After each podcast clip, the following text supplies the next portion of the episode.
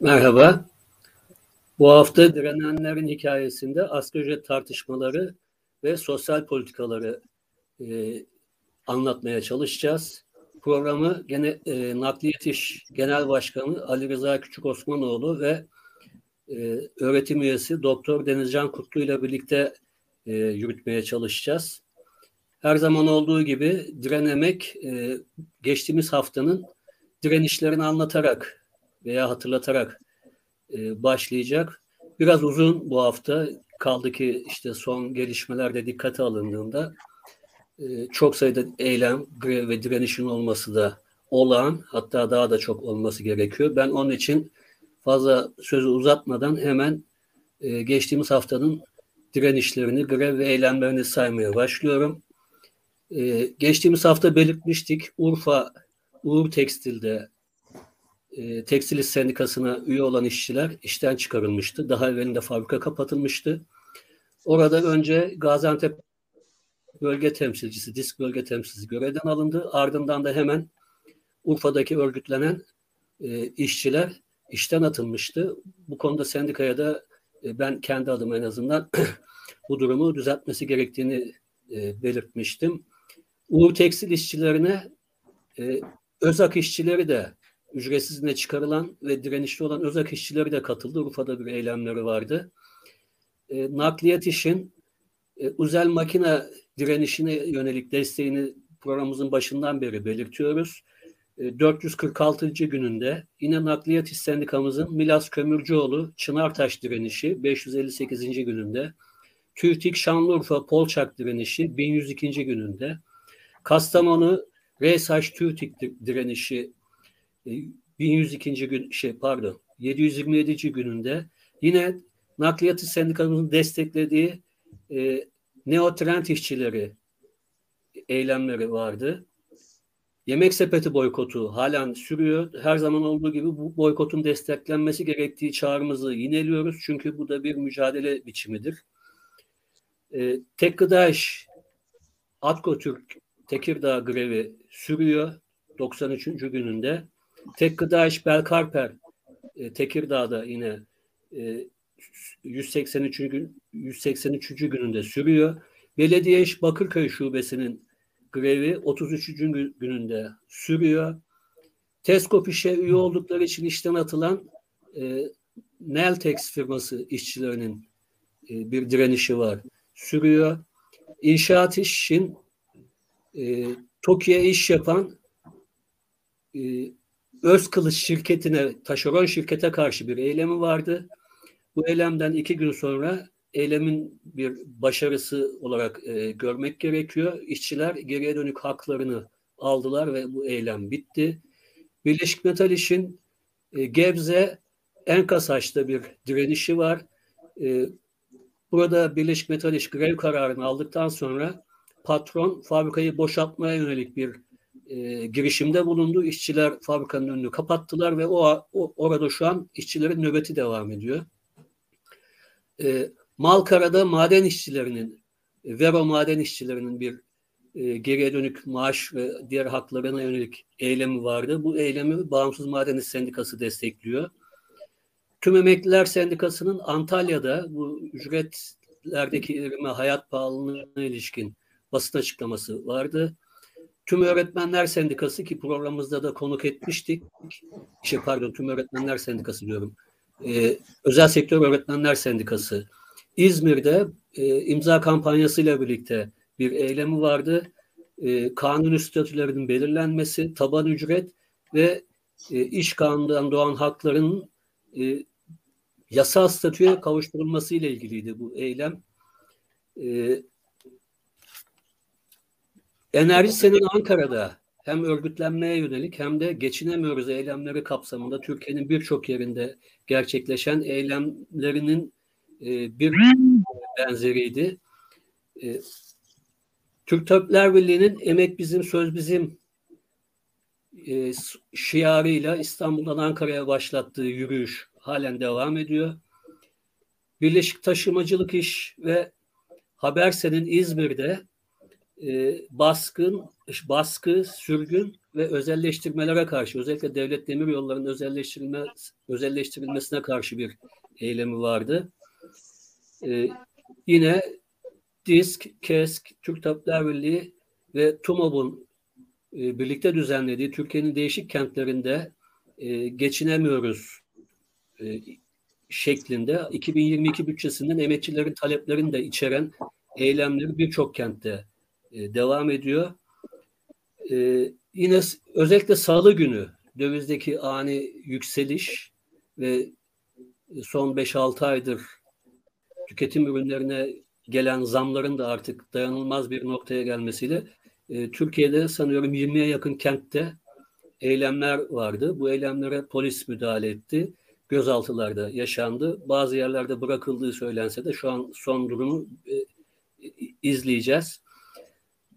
E, bütün bunlar bize aslında e, Türkiye'nin içine girdiği krizde emekçilerin, yoksulların, çiftçilerin ve işsizlerin ne kadar zor bir gelecekle karşı karşıya olduğunu da gösteriyor. Aynı zamanda bir e, toplumsal tepki birikmesini de gösteriyor. Özellikle son bir aydır hiç alışık olmadığımız biçimde birçok yerde çoğu spontane gelişen eylemler.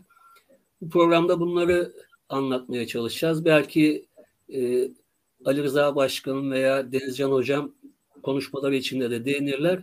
Tek sorun bu eylemlerin e, örgütlenmesi, bir araya getirilmesi ve tek bir hedefle e, yönlendirilmesi gibi bir durum. Yönlendirme de değil aslında, birleştirilmesi gibi bir durum var. Şimdilik söyleyeceklerim bu kadar. Ben sözü Kamil abiye bırakıyorum. Evet, öncelikle ben e, Ali Rıza Başkan'a ve Denizcan Hocama e, programımıza katıldıkları için teşekkür ederek e, başlamak istiyorum. E, önemli e, bir süreçten geçiyor ülke ve her gün e, çok yoğun bir biçimde e, yoksullaşıyor. E, aynı zamanda da e, sermaye e, bu e, süreci kendi lehine e, kullanan e, bir süreci de istisnasız bir biçimde inşa etmenin imkan ve olanaklarını e, devreye sokmaya e, çalışıyor. E, doğal olarak yaşanmakta olan pandemi süreciyle de bu yoksullaştırma bilinçli mi, bilinçsiz mi, kendiliğindenci mi? Bunu belki programın içerisinde tartışacağız. E, bu yoksullaştırma süreciyle bu pandemi süreciyle birleşince e, önemli ölçüde e, insanların e, yaşamlarıyla ilgili kaygıları da e, gün geçtikçe e, artıyor.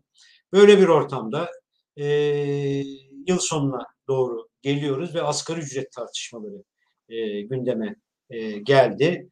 Bir taraftan direnişler, bir taraftan hak e, talepleri, bir taraftan sendikalaştıkları için işten atılan işçiler, e, bir taraftan da yoksullaşmaya karşı e, sokağa çıkmış, e, sayıları şimdilik yeterli olmasa da e, kitleler e, söz konusuyken e, şimdi art, e, Aralık ayı başından itibaren de zannediyorum aralığın ortasına kadar e, asgari ücret tartışmaları e, gündeme gelecek. Çeşitli kurumlar e, asgari ücrete ilişkin düşüncelerini açıklıyorlar. Ama asgari ücret komisyonunda bulunan e, Türk İş'in şu ana kadar sadece görüşmeler yürütüyoruz şeklindeki bir yaklaşımın ötesinde bir yaklaşımı söz konusu değil. Disk 5200 lira bir asgari ücret öneriyor. E, çeşitli kurumlar e, bunun yeterli olmadığını ifade ediyor. E, siyasal iktidar ise e, toplumu bir biçimde manipüle etmek doğrultusunda e, halkın beklentilerine uygun bakanlık vasıtasıyla, Çalışma ve Sosyal Güvenlik Bakanlığı vasıtasıyla toplumun beklentilerine uygun bir asgari ücrette Türk işte anlaşma noktasına vardık diyen bugünkü demeçleri açısından bir yaklaşım sergiliyor. Nakliyetis sendikamız ise geçtiğimiz günlerde Ali Rıza Başkan'ın e, kendi ağzından e, asgari ücret diski eleştirerek diskin e, asgari ücret belirleme yöntemlerine de çeşitli önermelerde bulunarak e, bir açıklamada bulundu ve asgari ücretin 6 bin liranın üzerinde e, olması gerektiğini ifade eden e, bir açıklamaları da söz konusu oldu. Fakat e, özellikle bu son bir haftadır ülkede yaşanan e, dövize bağlı e, aşağı yukarı temel gıda maddelerimizin de neredeyse e, çok önemli bir kısmının yurt dışından ithal edildiği e, bir noktada dövize bağlı bir kıtlıkla da neredeyse karşı karşıya e, kalacağımız bir süreç görünüyor. Bazı marketlerde, büyük alışveriş marketlerinde e, bazı ürünlere de e, sınırlamalar getirildi. İşte yağdı, tuzlu, şekerdi gibi belli miktarlarda e, çeşitli sınırlamalar e, getiriliyor. Özellikle siyasal iktidarın e, tarım kooperatifleri üzerinden, e, tarım tüketim kooperatifleri üzerinden e, aslında bir e, Türkiye toplumuna yönelik bir sosyal politikalar çerçevesinde göya e, e, bir yaklaşım sergilemişti. Burada bilen e, çeşitli kısıtlamaların gündeme geldiğini e, görüyoruz. Ben şimdi lafı da fazla uzatmadan e, Ali Rıza Başkan'a e, dönerek e, bir taraftan bu yoksullaştırma süreci ne, diyorsunuz? E, toplum gittikçe yüksek, e, çok ciddi bir biçimde yoksullaştırılıyor. Asgari ücret e, ortalama tespit edilirken bugüne kadar ki e, bir takım verilerde dolar baz alınıyordu. Ortalama 400 dolar civarındaydı e, ortalamasına falan baktığımızda. Bugün asgari ücret neredeyse 220 dolara e, düşmüş durumda.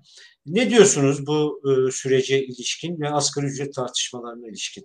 Buyurun Ali Rıza Başkan. Teşekkür ederim. E, izleyen ve dinleyen tüm e, izleyicilerimizi sevgiyle saygıyla selamlamak istiyorum öncelikli olarak.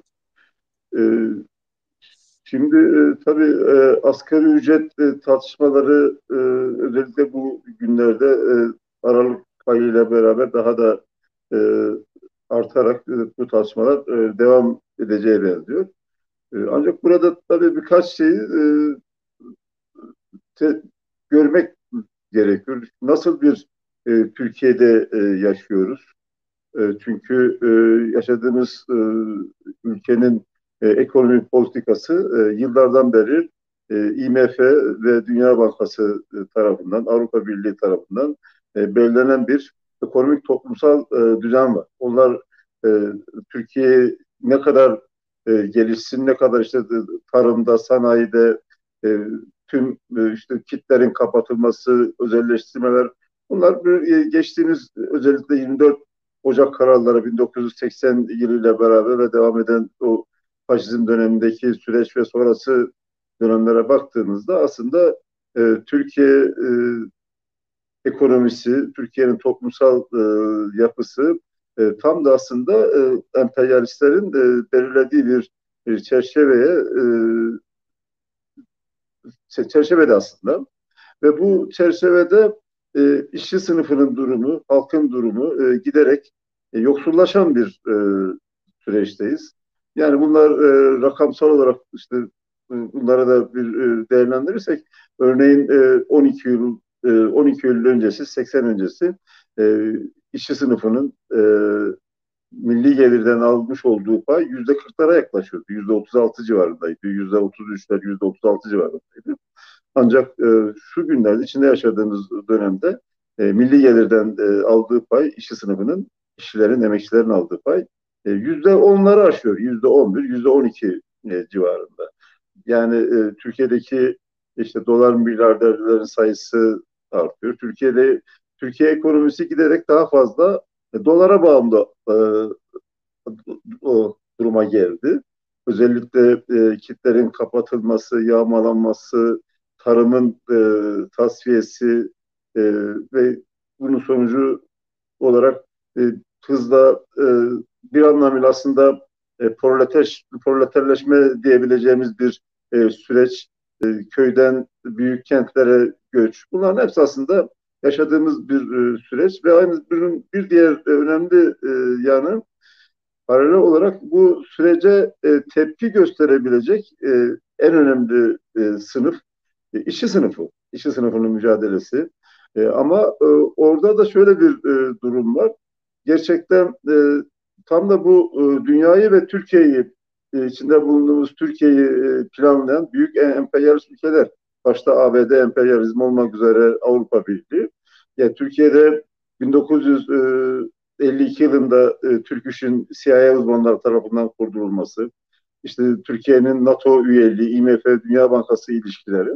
Bunların hepsine aslında bir baktığımızda e, emperyalistler nasıl bir Türkiye yaratmak istiyorlar? İşte bu statünün nasıl devam etmesini istiyorlar? Yani bu e, ve e, Türkiye'deki sınıf hareketinin e, kontrol altına nasıl e, alacaklar? Bunların hepsinin planlaması aslında diğer birçok ülkede olduğu gibi Türkiye'de de planlanıyor ve bu süreç ne yazık ki bir işlerin iradesiyle e, buna karşı bir toplumsal muhalefet bu süreci zaman zaman etkileyen, akamete uğratan belki zaman zaman süreçler olsa bile e, ana şey olarak e, bir yörünge olarak ne yazık ki bu yörüngeden e, ayrılabilmiş değiliz.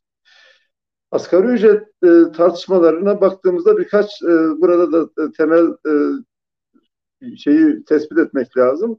E, örneğin e, geçtiğimiz yıllarda e, Türkiye'de e, asgari ücret e, alanların sayısının toplam ücretleri sayısında. Çünkü e, sosyal güvenlik kapsamında bugün e, 14 milyon küsür civarında toplam aktif sigortalı var. Yani sigortasız e, kayıt dışı çalışanlar da var önemli sayıda. Yani bunun yüzde 40 olduğu e, oranında olduğu e, söyleniyor. Yani e, şeyler e, tespitler o yönde. E, yani bundan birkaç yıl önce asgari ücret toplam ücretler içerisinde yüzde 40 olan bu sayının, bu oranın bu sene yüzde 60'ın e, üzerinde yani 7 milyon üzerindeki bir çalışanın toplam aktif sigortalı içerisinde asgari ücret aldığı bir gerçeği var. Şimdi burada şimdi gerçekten zaman zaman e, isyan etmemek elde değil. Yani öyle bir duruma geldi ki işte Diskar var. Diskar e, önemli değerlendirmelerde de bulunuyor. BİSAM var. Birleşik Batalyon e, Araştırma Merkezi var. Sınıf Araştırma Merkezi var. Türk İş'in araştırma merkezi var. Bazı sendikaların araştırma merkezleri var.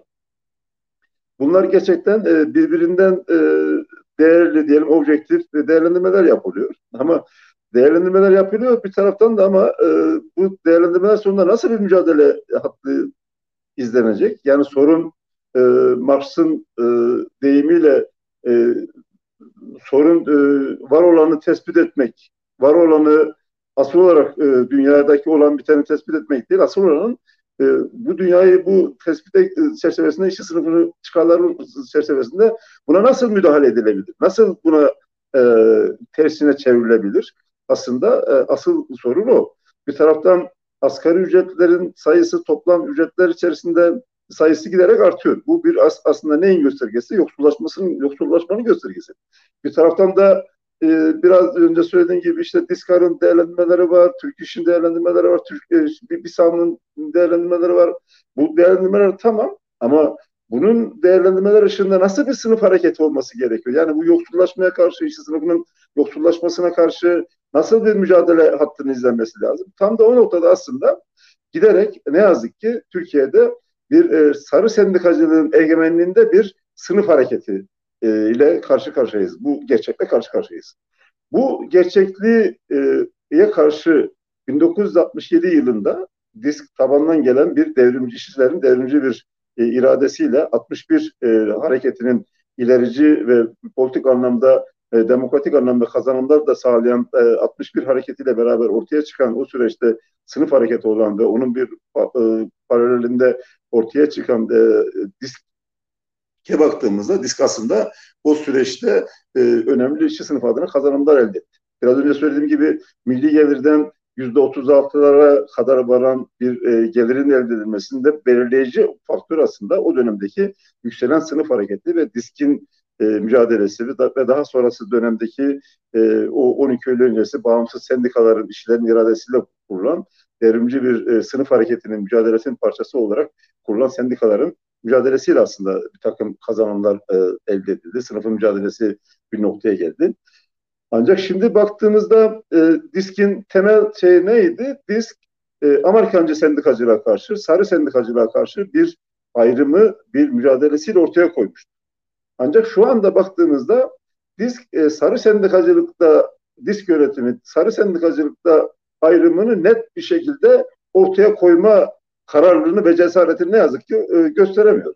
Yani bu eleştirilerimizi zaman zaman böyle açık yaptığımızda e, bir alınganlık gösteriyorlar ama bunları yapmaya devam edeceğiz. Çünkü biz e, diskin tarihine, ilkelerine e, sahip çıkıyoruz. Sahip çıkma mücadelesini veriyoruz. O, o bakımdan da ben e, bir e, bu şeyde bir parantez, e, bir e, geçtiğimiz günlerde yaşadığımız olayı paylaşmak istiyorum. Aslında bu aşamadan sonra çok fazla söze de gerek yok diye düşünüyorum aslında. Çok olay çünkü çok çarpıcı.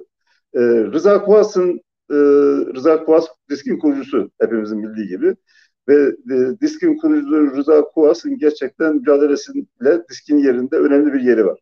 Diskin mücadele tarihinde önemli bir yeri var. Rıza Kuvas'ın e, mezarı e, hava şehitliğinde Edirne Kapı'da e, ve onun birkaç yüz metre karşısında da e, arada mesafede de biraz önce de sizlerin de söylediği gibi e, uzay makine direnişi devam ediyor. Aylardan beri pandemi koşullarında da direniş çadırında devam eden bir direniş var. Sarı sendikacılığa karşı da direniş bu. Aynı zamanda Türk Metal'in oradaki e, sarı sendikacılığına karşı ve sınıf ihanetine karşı da bir mücadele ve direniş aslında. Önemli bir direniş. E, gece gündüz devam eden, çadırda devam eden, pandemi koşullarında devam eden bir direniş ve mücadele. Önümüzdeki günlerde bir e, kazanmaya doğru da giden bir e, mücadele. Geçen yıl direnişçi işçiler disk başkanına dediler ki ya biz burada direniyoruz. Sayın Başkan e, bizim e, çadırımızı bir ziyaret eder misin? Disk başkanının söylediği bir bakalım dediler. E, bu sene e, yine e, yani arkada arada birkaç yüz mesafe var. Çünkü e, biliyoruz bizim de kulağımıza geliyor. E, Türk İş Başkanı disk başkanını arıyor ki ya nakliye dış oradaki işlere niye sahip çıkıyor? Ve düşünün bir disk yönetimi orada devam eden bir direnişi, direniş çadırına uğrayıp bir çay içmeyi e, cesaretini gösteremiyor. Bu kadar da açık söylüyorum. Yani bunu gösteremeyen Rıza Kuvas'ın, Rıza Kuvas'ı anmak demek ne demek? Rıza Kuvas gibi diski mücadele tarihinde önemli bir yere olan militant sendikacılığı olan ve e, mücadelesiyle gerçekten her zaman bir saygın bir yeri olan e, çünkü sınıf mücadelesinin, ekonomik mücadelenin sadece e, sendikal mücadeleyle değil aynı zamanda da e, siyasi mücadeleyle de olması gerektiğini disk içerisinde de e, ortaya koyan ve bunun için Türkiye İşçi Partisi'nden milletvekili de olan bir e, kimliği de var Rıza Kupas'ın. Siyasi bir kimliği de var. Yani o bakımdan ama diskin yönetiminin şu andaki durumu bu. Yani burada e, aylardan beri direnen, mücadele eden uzay makine direnişinin e, bir e, uğramak, bir e, başarılar dilemek, bir e, onların çayını içmek e, cesaretini bile ne yazık ki gösteremeyen bir disk yönetimi var. Böyle bir disk yönetimi olunca bir sarı sendikacılıkta ayrımını umut olarak baktığımızda bir e, onu ortaya koyacak olan, geçmişteki mücadelelerinde ortaya koyan, koyacak olan diskin mücadelesi var. Diskin mücadelesini yürütmeye çalışan şu anda farklı bağımsız, irili ufaklı olan e, bağımsız sendikalar da var ama dediğim gibi sendikal hareket ne yazık ki burada e, bir e, bu asgari ücret tartışmalarının tam da olduğu. Şimdi Türkiye'de e, Türkiye e, Avrupa ülkeler arasında en düşük asgari ücret. Yani en son işte bir yapılan e, devalüasyonlarla beraber bizden önce e, Arnavutluk vardı. Şu andaki e, asgari ücretin dolar karşılığı olarak, e, euro karşılığı olarak e, Türkiye en düşük e, ücretle çalışan işçilerin e, asgari ücretlerin olduğu bir ülke e, duruma geldi. Hatta bazı tespitlere göre, işverenlerin tespitlerine göre Çin'deki Çin'de bile e, Çin'deki e, asgari ücretten bile daha e, düşük e, alıyor şu anda işçiler. Ama burada bir taraftan elbette sermayedarlar, para babaları e, kendi karları için işlerin ücretlerini düşük tutmak, onların e, güdümündeki iktidarlar düşük tutmak için bir çaba içerisinde. Ama bunun karşılığında Aynı zamanda bu durumda olması, biraz önce söylediğim gibi bir tespitler yapılıyor. Tamam, tespitlerde işte Türkiye, e, Avrupa ülkelerinde en düşük e, asgari ücreti alan e, ülkeler. Ama bunun sorumlusu kim? Aynı zamanda sendikal hareket. Yani sınıf hareketinin e, burada sermaye sınıfına karşı işlerin yoksullaşmasının önüne geçebilecek bir e, sınıf hareketinin, bir sendikal hareketin e, ortaya çıkması, bu tespitlere karşı bu mücadeleyi verecek olan kim? E, bir e, bu mücadelenin örgütlenmesidir. İşlerin e, farklı iş kollarının işlerin bir gözlem olarak baktığımızda işte taşeronlaştırmaya karşı, güvencesizleştirmeye karşı aslında sınıfta objektif anlamda bir mücadele eğilimi var. Bunu her şeyde görüyoruz. Yani her bir e, biz son yıllarda örneğin e, çoğu e, yıl başından bu zamana kadar bakıyorum bir yemek sepeti örgütlenmesinde, bir Pegasus'lu örgütlenmesinde çok kısa süre içerisinde çok önemli sayıda yani şöyle söyleyeyim hem Yemek Sepeti'nde hem Pegasus'ta binlerce işçinin çalıştı. Pegasus'ta toplam 6500 kişi çalışıyor. e, yemek sepetinde de bizim örgütlenmeye başladığımız süreçte 6 bin küsür çalışan vardı. Çok kısa süre içerisinde önemli sayıda bir e, üye sayısına ve örgütlülüğe ulaşan bir potansiyel e, olduğu görülüyor.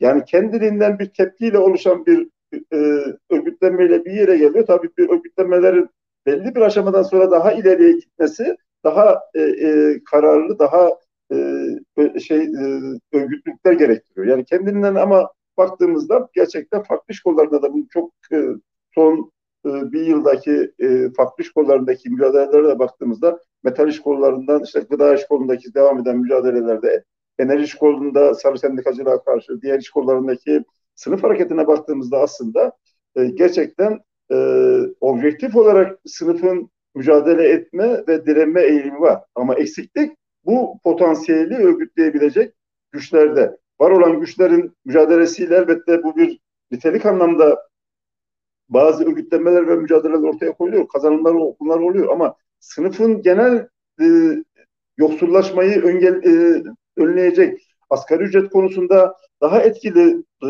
bir güce ulaşabilecek bir güce ne yazık ki bu mücadele bu süreçte e, ulaşabilmiş değil. Bu sürecin önemli şeylerden bir tanesi de bizim disk yönetimine e, eleştirilerimizden bir tanesi de şimdi geçtiğimiz yıl bu süreçte işte e, Türk İş'in çağrısıyla bir toplantı yaptık. Oldu toplantıda bir görüşmeler yapılıyor. Geçtiğimiz yıllarda işte asgari ücretle ilgili genel bir çerçeve açıklaması yapılıyor. İşte asgari ücretten alınan vergiler, e, vergi adaletsizliği, işte gelirle ilgili gelirin paylaşımı, asgari ücretle ilgili e, biraz önce söylediğim gibi e, yapılan objektif var olan e, tespitlerin üç konfederasyon tarafından e, bir açıklamayla, bir basın açıklamasıyla ifade edilmesinin hiçbir karşılığı yok bence. Mücadelede ne gösteriliyor? Ne mücadele veriliyor? Yani bulunduğumuz iş yerlerinde, bulunduğumuz iş yerlerinde toplu sözleşme bugün böyle bir gerçeklikle karşı karşıyayız ki bazı e, şeylerde, iş kollarında yıllardan beri toplu sözleşme yapılmış. İşlerin almış oldukları ücretler asgari ücret. O bakımdan biz şimdi diskin açıklamış olduğu 5200 lira e, rakamı e, gerçekten geçmişin geçmişte kendisinin açıkladığı e, rakamlarla da zaten örtüşmüyor aslında. Yani bir önümüzdeki süreç şu tespitler yapılıyor. Yani bunun için bir şey kain olmaya gerek yok. Bu günler aslında e, 5-6 ay öncesinden belliydi. Türkiye'nin bir ekonomik anlamda bir e, darboğaza gireceği, dövizin e, e, bir devalüasyonun olacağı bunların hepsi biliniyor.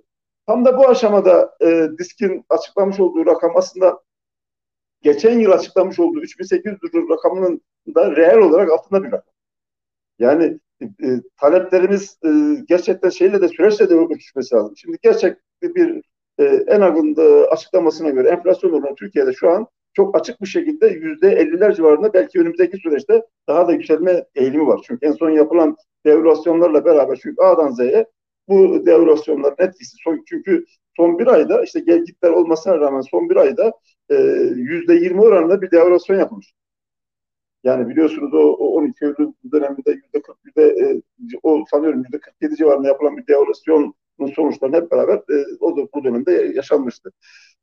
O bakımdan tam da bu noktada e, işçi sınıfının talepleri ne olması gerekir? Asgari ücretle ilgili nasıl yaklaşım yapılması gerekir? Bunu son böyle bir aylık asgari ücret tartışmalarıyla sınırlandırmamak lazım bu mücadeleyi. Bu mücadele asıl olarak e, toplu sözleşme politikasında işte MES'le yapılan toplu sözleşme süreçlerinde e, diğer iş kollarında, belediyelerde, diğer e, yerlerde işte e, farklı iş kollarındaki toplu sözleşme politikalarında ol, olduğumuz her yerdeki e, toplu sözleşme politikalarında ve mücadelesinde e, bunu e, ortaya koymak lazım. Yoksa tek başına e, asgari ücret belirleme işte e, Aralık ayındaki e, bir takım e, açıklamalarla değil, asıl olarak e, mücadelede, sınıf mücadelesinde e, işçilerin bu yoksullaşmasına karşı nitel anlamda e, sendikalar e, ne kadar müdahale ediyorlar, ne kadar belirleyici Başkan oraya geleceğiz. Ee, evet. Yani ne yapılacak, ne yapılmalıdır meselesine tekrardan döneceğiz.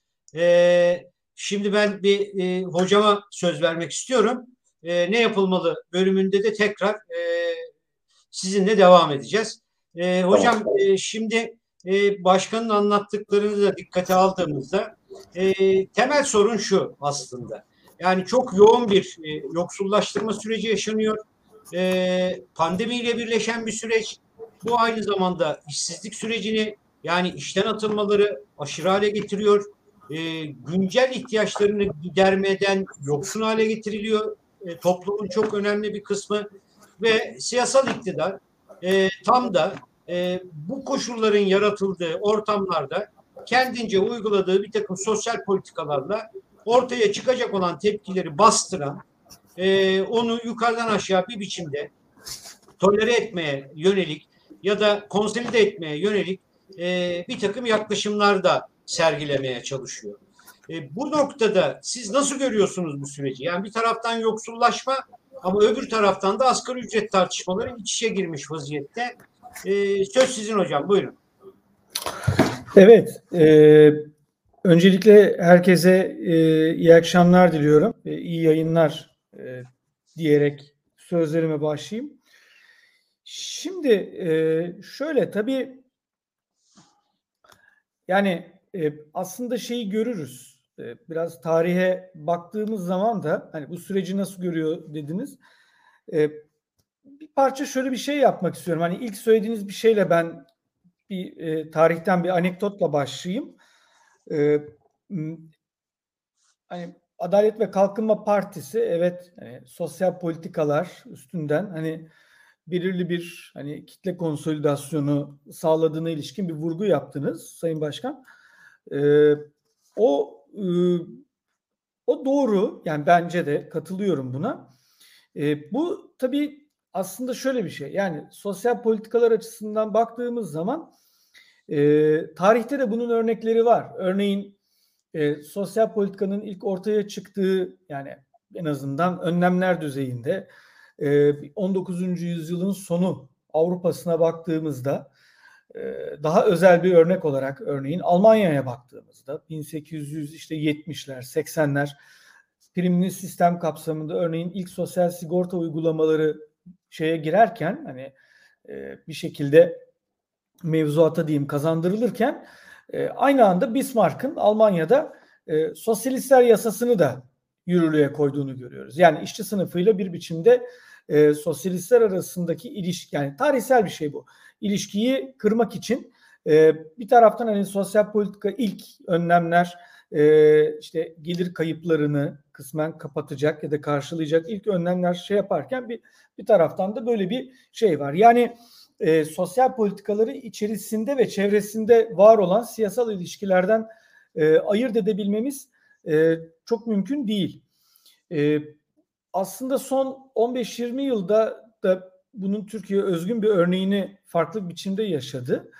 Ee, bir taraftan işte o Bismarckyen bir tarz o hep vardı zaten o tekrar devam etti ama e, bu dönemi ayrıştıran özellikle de hani benim kısmen bir parça daha yoğun çalıştığım sosyal yardımlar açısından mesela daha kristalize olduğu en çok yoğunlaştığı yer belki orası.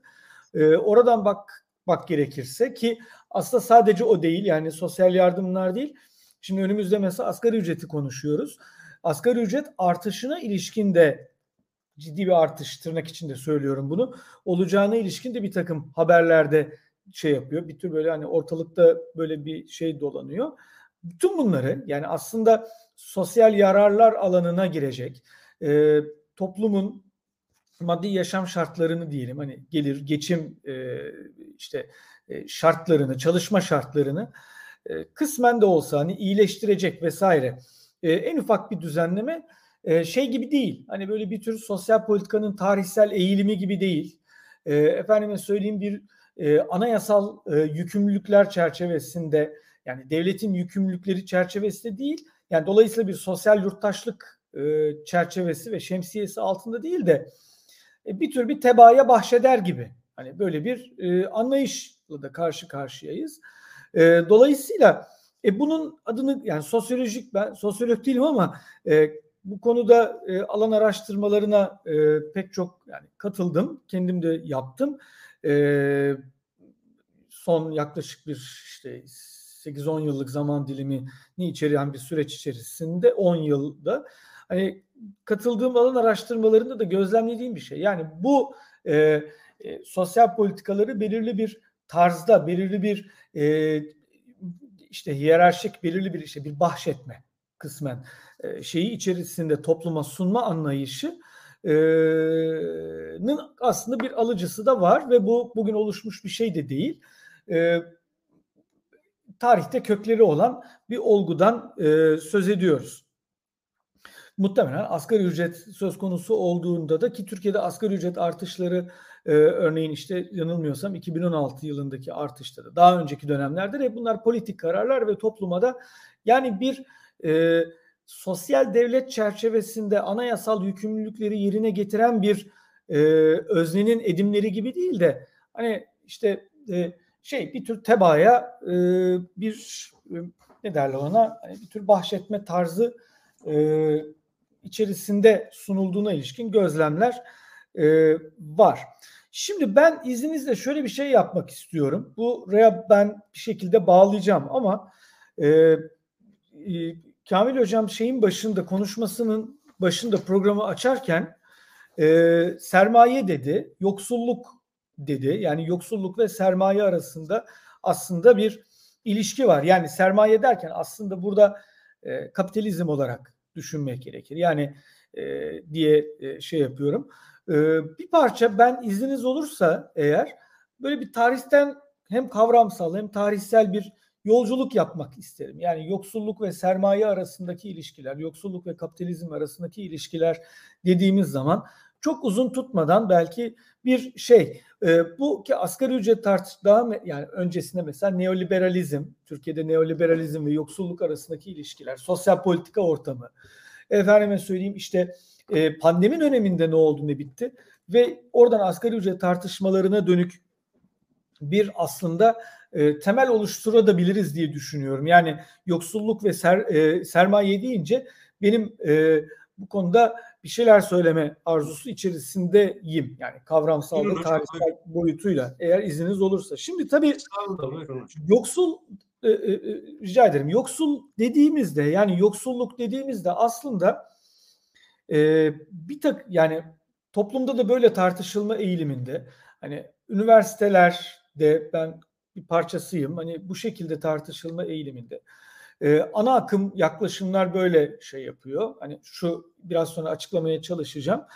Ee, iktidarlar da aslında bir biçimde bunu toplumun gündemine, politik alana, sosyal politikalar alanına da yoksulları ve yoksulu şöyle bir şekilde sunma eğiliminde. Yani sanki yoksul deyince e, e, yoksul olarak ta- tanımlanan, tabir edilen kitlenin tek özelliği yani tek kimliği adeta, tek aidiyeti yoksullukmuş gibi. Yani yoksul nedir? Yani başka aidiyetlerden, tamam mı? içinde bulunduğu iktisadi başta olmak üzere ilişkilerden bağımsız bir e, bir grup var, bir kişi var. Yani tek varlığı, tek aidiyeti yoksullukmuş gibi bir çağrışıma sahip. Yani adeta bir kimlik gibi e, niteliğindedir. Yani bütün toplumsal varlığı, e, bütün aidiyeti bunun üzerine kuruluymuş. Tanımlayıcı unsur yani kişi ve o hane halkları, yani o kesim açısından baktığımız zaman hani yoksullukmuş gibi e, tanımlayıcı unsur yoksullukmuş gibi gözükür. Böyle e, sunulur. Dolayısıyla yoksul hani toplumdaki statülerinden, konumlardan e, ki e, Ali Rıza Başkan Marx'a işaret etti. Hani Marksist anlamda bir baktığımızda ki sınıflar öyle tanımlanır. Hani üretim süreci içerisindeki konumlarından ayrı, bağımsız olarak yoksullar karşımıza çıkar, çıkartılır. Yani ana akım, egemen yaklaşım içerisinde baktığımız zaman e, devletin hesaplamaları çerçevesinde baktığımızda bunu görürüz. Ana akım iktisatta bunu görürüz. Neoliberalizmin kavram dünyasında, ideolojik dünyası içerisinde de kısmen bunu görüyoruz. Burada tabii aslında e, bir yaklaşım var. Yani nasıl bir yaklaşım bu? Yoksullara ait oldukları sınıftan ayrıştırmak ve yoksulluğu da sınıfsal yoksulluğun e, sınıfsal temellerini görünmez kılmaya dönük bir e, adeta bir çaba var bu yaklaşım içerisinde ki bu aslında e, yoksulların yönetilmesi diyelim e, ve yoksulluğun e, yoksullukla mücadele deniliyor. Aslında tam da öyle değil. Kontrol altına alınma belki denilebilir. Yoksulluğun kontrol altına alınmasına dönük politikalarla yani buna dönük sosyal politikalarla da yakından bağlantılı.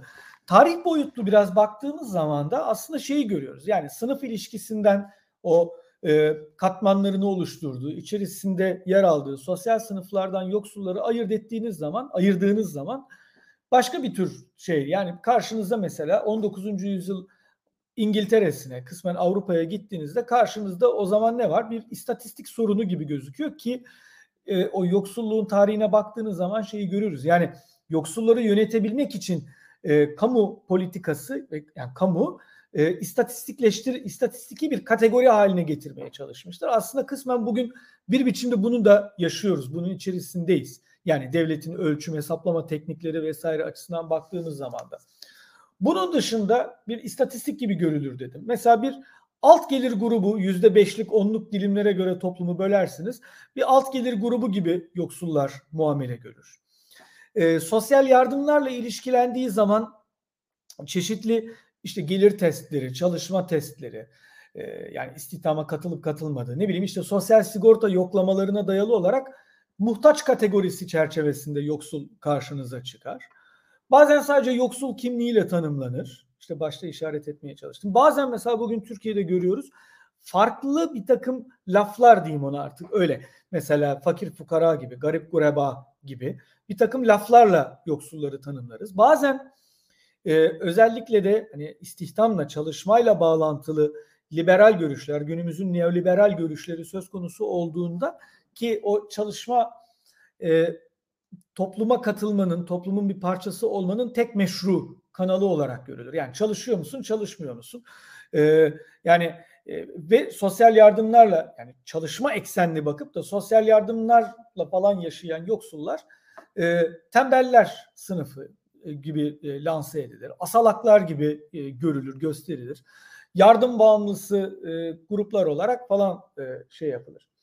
E, hep böyle bir e, şey yani kimliklerle birlikte anılan bir şey. Tüm bunları böyle bir üstünü şey yaptığımız zaman, kazıdığımız zaman aslında iki konu karşımıza çıkıyor. Hani özellikle de kamu politikalarıyla yoksulluk arasındaki ilişkide.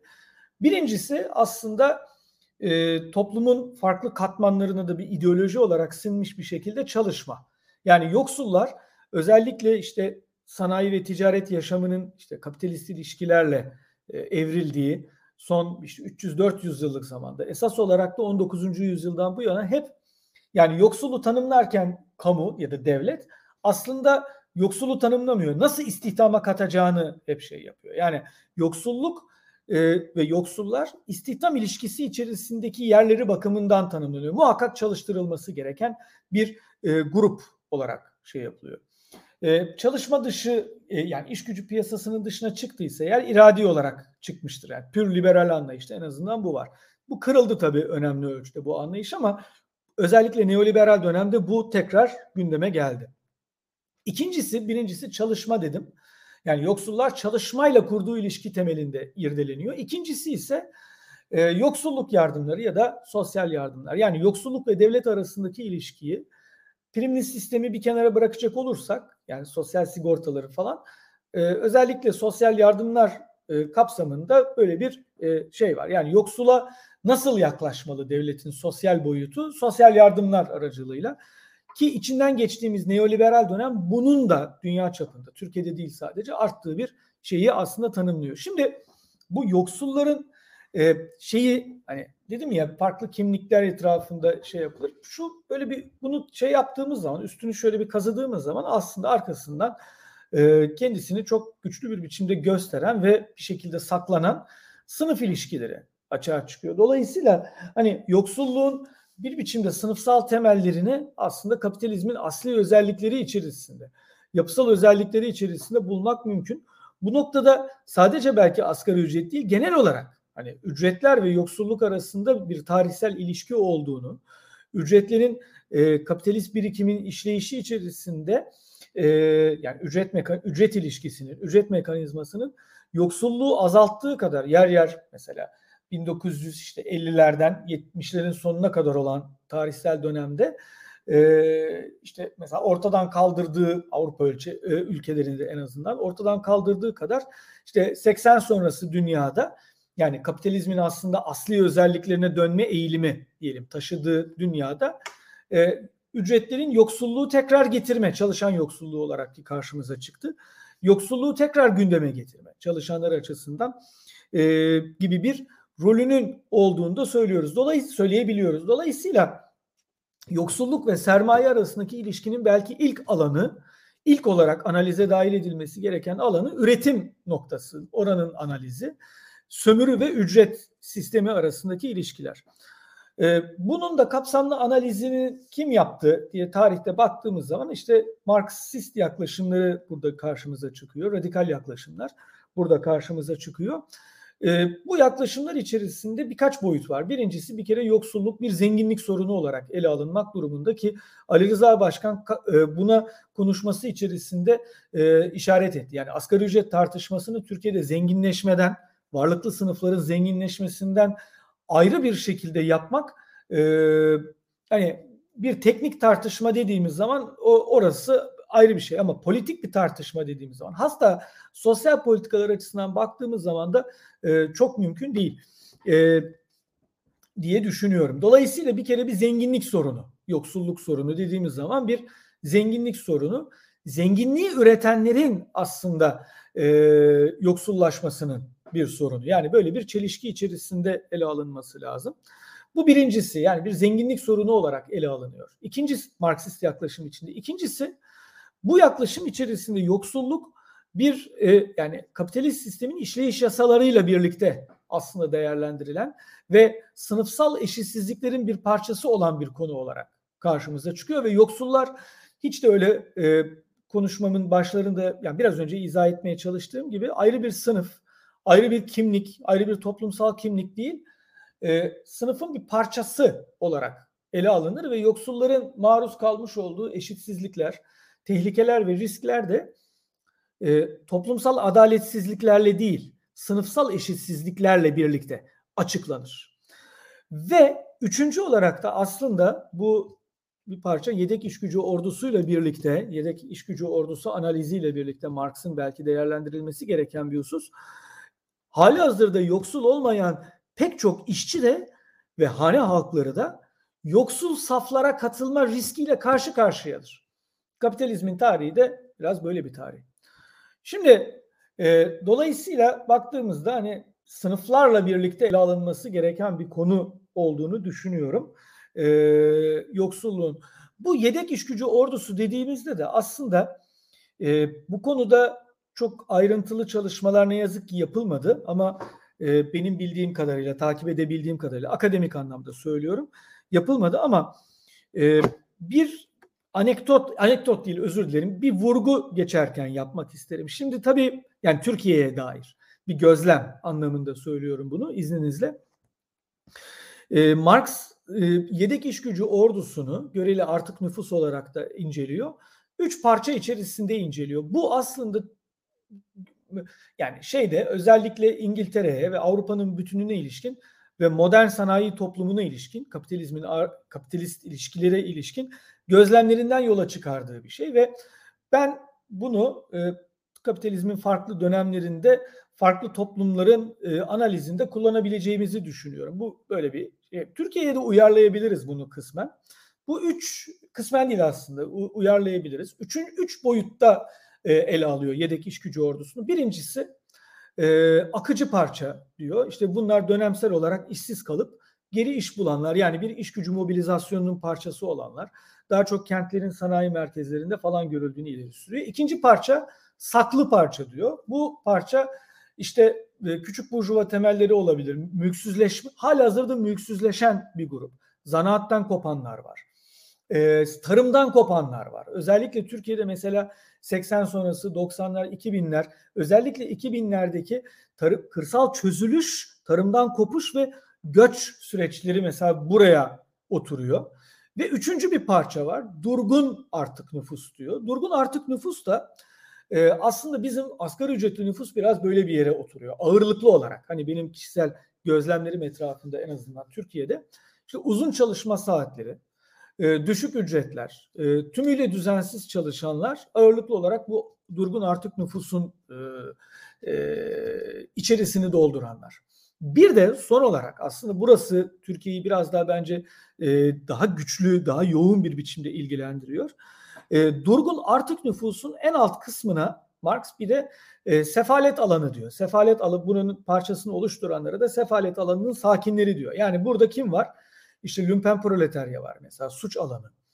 Ee, çalışabilecek durumda olup uzun süredir çalışamayanlar, çalışamayacak durumdakiler, ee, işte sürekli işsizler, ee, Türkiye'de sayısı giderek artan sosyal yardım alanlar e, bu kesimi de buraya değerlendiriyor. Aslında bu şeyin içerisinde, bu analiz içerisinde bu aslında bir yoksullar ordusu ve yoksulluk da bu yedek iş gücü ordusunun e, dinamikleri içerisinde e, analiz ediliyor. Marksist yaklaşım içerisinde ki ben de e, durgun artık nüfusun e, özelliklerini diyeyim taşıyan yani uzun çalışma saatlerine maruz kalan, e, iş cinayetlerinde uzun kayıpları yaşayan, kurban olan, e, yani şey yani bu yaşamını yitiren, e, düşük ücretlerle çalışan, e, tümüyle düzensiz, güvencesiz işlerde e, çalışan, e, çok uzun süreli sosyal yardımlar alan, e, sürekli işsizler katmanı içerisinde olan bir grubun Türkiye'de işçi sınıfının giderek daha geniş bir bölmesini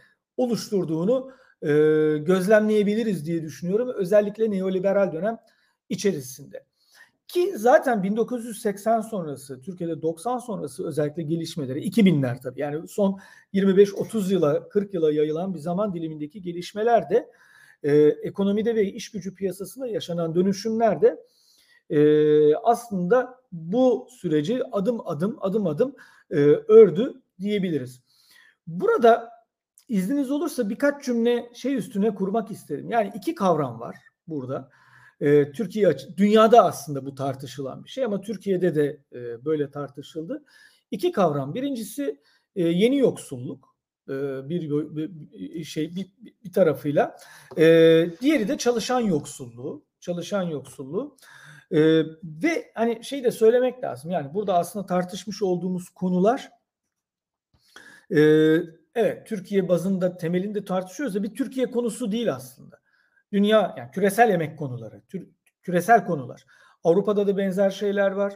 Ee, işte Latin Amerika coğrafyasına gittiğiniz zaman da benzer e, şeyleri görüyorsunuz. Bunlar karşısında kitlelerin vermiş olduğu tepkiler aynı olmayabilir. Ama üç aşağı beş yukarı emekçi sınıfın yaşamış olduğu e, deneyimlerin e, küresel çapta e, e, bir hani o küresel kapitalist evre e, şeyi de ortaklaştırdı. Emekçi sınıfların deneyimlerini de aslında ortaklaştırdı. Tabii hani ülkeden ülkeye bunun kendi özgün bir takım formları var. Yaşama geçme biçimleri e, var. Örneğin Türkiye mesela işte 60'lar 70'ler Türkiye'si 80 öncesine e, göndermeler yapıldı mesela Ali Rıza Başkan'ın konuşması içerisinde. Ben bunu mesela 90'lar Türkiye'sine kadar aslında kısmen kendisini gösteren e, bazı özelliklerle tamamlamak isterim izninizle. Örneğin 60'lar 70'ler Türkiye'sinde 80'ler 90'lara kadar e, bir işte Ali Rıza Başkan'ın söylemiş olduğu o göreli refah ortamını tamamlayan başka özellikler de vardı. E, ben yaşım gereği e, onların şahidi değilim ama sizler e, onu görmüş, deneyimlemiş e, insanlarsınız. Birincisi mesela bu ortadan kalktı 2000'li yıllarda ne? İşte şu ya da bu şekilde kırdan kopan nüfus kente geldiğinde e, formel ya da informal akrabalık, hemşerilik, komşuluk ilişkileri üzerinden formel ya da informal bir şekilde kısmen düzenli işler etrafında bir iş gücü piyasasına dahil olabiliyordu. Bu mesela bu önemli ölçüde ortadan kalktı. Ee, ya da e, bulunan işler tümüyle güvencesiz işler. İkincisi e, şu neredeyse işte son 20 yılda tamamen e, tasfiye oldu. Kırdan kente e, dönük e, gelir transferleri, ürün transferleri ki bu kentteki emekçi nüfusun e, refah kayıplarını bir şekilde yani gelir kaybı yaşıyorsa iş gücü piyasası bunu kapatan bir şeydi ya da göreli refahını artıran bir e, olurdu. E, kırdan kente gelir ve ürün transferleri. Neoliberalizm bunu da şey yaptı. Üçüncüsü e, konut piyasasında mesela tutunma. Hani konut türü.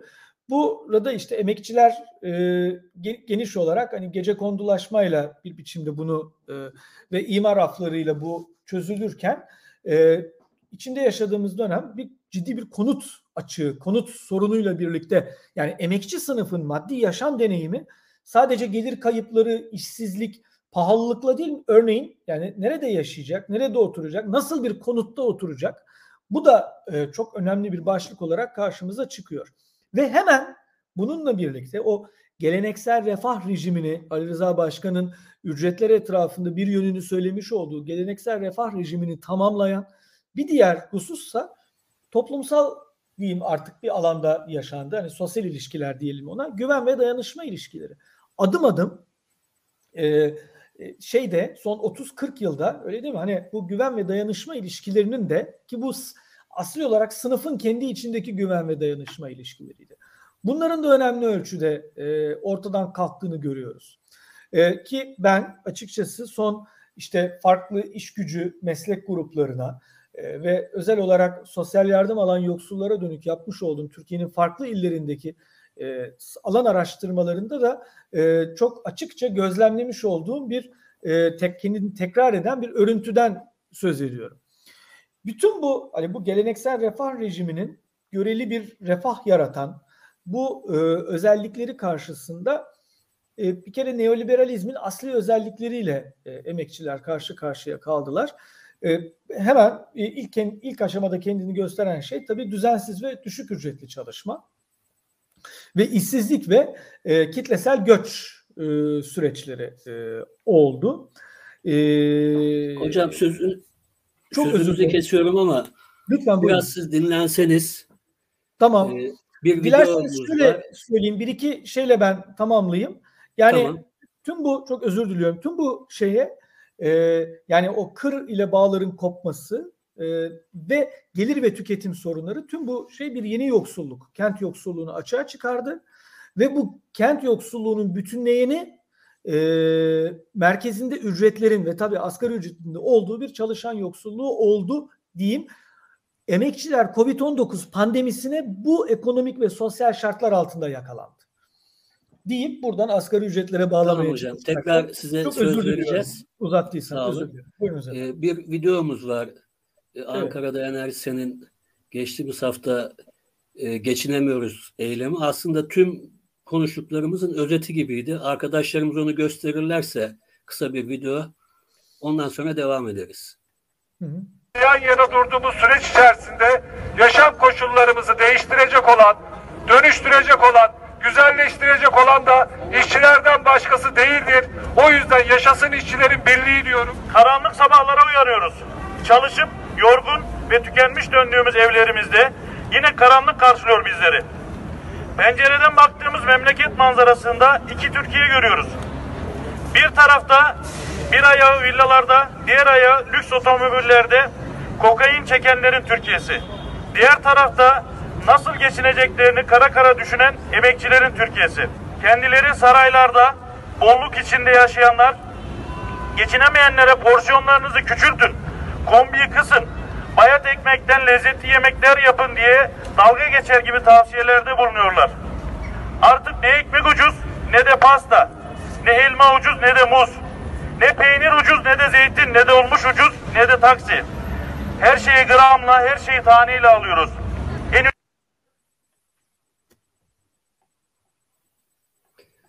ee, aslında hem yaşadığımız süreci hem şu ana kadar konuştuklarımızı e, bir işçi ağzından en net bu şekilde e, duyabilirdik. Çokça da duymamız gerekir. Ben hem başkanın söylediklerinden hem işte hocamızın söylediklerinden aslında şunu anlıyorum. Şimdi başkan Avrupa'daki asgari ücrete e, ve Türkiye ile Avrupa ülkeler arasındaki değişimlere e, vurgu yaptı. Örneğin e, 2010 yılında 338 dolarmış Türkiye'de asgari ücret. Bizim gerimizde Arnavutluk, Bulgaristan, Makedonya, Sırbistan, Romanya, Letonya, Estonya, Çekya, Polonya, Slovakya, Karadağ, Macaristan, Litvanya varmış 2010 yılında. Şu an biz hepsinden gerideyiz ve en sondayız. Şimdi bu birincisi yani e, liberal safta yer alanlar şöyle diyebiliyor işte nüfuslarımız aynı mı, büyüklüklerimiz aynı gibi falan ifadelerle bunu geçiştirmeye çalışıyorlar. Bizim şuradan doğru belki değinmemiz gerekiyor. e, dünyadaki ekonomik büyüklüklerimiz de aynı değil. Yani biz bu saydığımız başkanın da vurguladığı bu ülkeler dolar bazında asgari ücret düzeyindeki ülkelerin hepsinden öndeyiz. Yani şu son dolar kurundaki devalüasyon yaşanmasaydı dünyanın en büyük 17. ekonomisiydik. Yani evet Karadağ'ın nüfusu bizden az olabilir. Slovakya'nın nüfusu bizden az olabilir ama bunların milli gelirleri de 80. 90. sıralarda. Böyleyken eğer asgari ücretli bunlar bizi geçmişse ve dünyanın en büyük 21. 22. ekonomisi olan Türkiye'de asgari ücret sefalet ücretine dönüşmüşse karşılaşmayı karşılaştırmayı buradan yapmak gerekir. Bir de hocamın söylediklerinden benim yani kendi algıladığım Türkiye'de yoksulluğun kabul ettirilmeye çalışıldı. Yani aslında yoksulluğun yönetilmesi denilen şey, yoksulluğun kabul ettirilmesi ve kanıksatılması doğal bir durum gibi. Başkanımın şeyi söylediği diske yönelik eleştirilerine ben de toplamda bütün sendikaları dahil ederek söylüyorum. Mevzu burada asgari ücret falan değil, aslında gelir dağılımı olmak zorunda. Yani toplamda eğer kayıtlı çalışanların yüzde 57'si asgari ücretliyse, toplam çalışanların yüzde 30'u kayıt dışıysa ki bunların asgari ücret almadığını da biliyoruz daha düşüklerde. Yani toplamda yüzde 75-80'e yakın bir çalışanın açlık sınırında, bak yoksulluk değil aslında bizim şimdi yoksulluk sınırı tarifimizde 10 bin lira civarında. Biz şu an açlık sınırını konuşuyoruz. Asgari ücret dediğimiz şey de aslında açlık sınırı, açlık ücreti.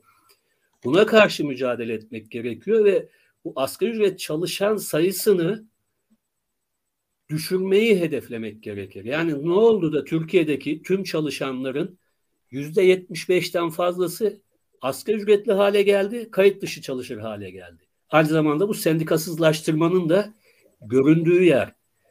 Eğer bunları toptan sınıfsal bir perspektifle önümüze koyup mücadele edebilirsek o zaman asgari ücreti şöyle tarif edebiliriz biz. Geçim ücreti.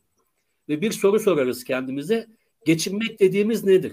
Az önce videoda izlediğimiz gibi. Yani artık peynir e, gramla, zeytin taneyle, artık elma ucuz değil, muz ucuz değil gibi, taneyle dediği gibi.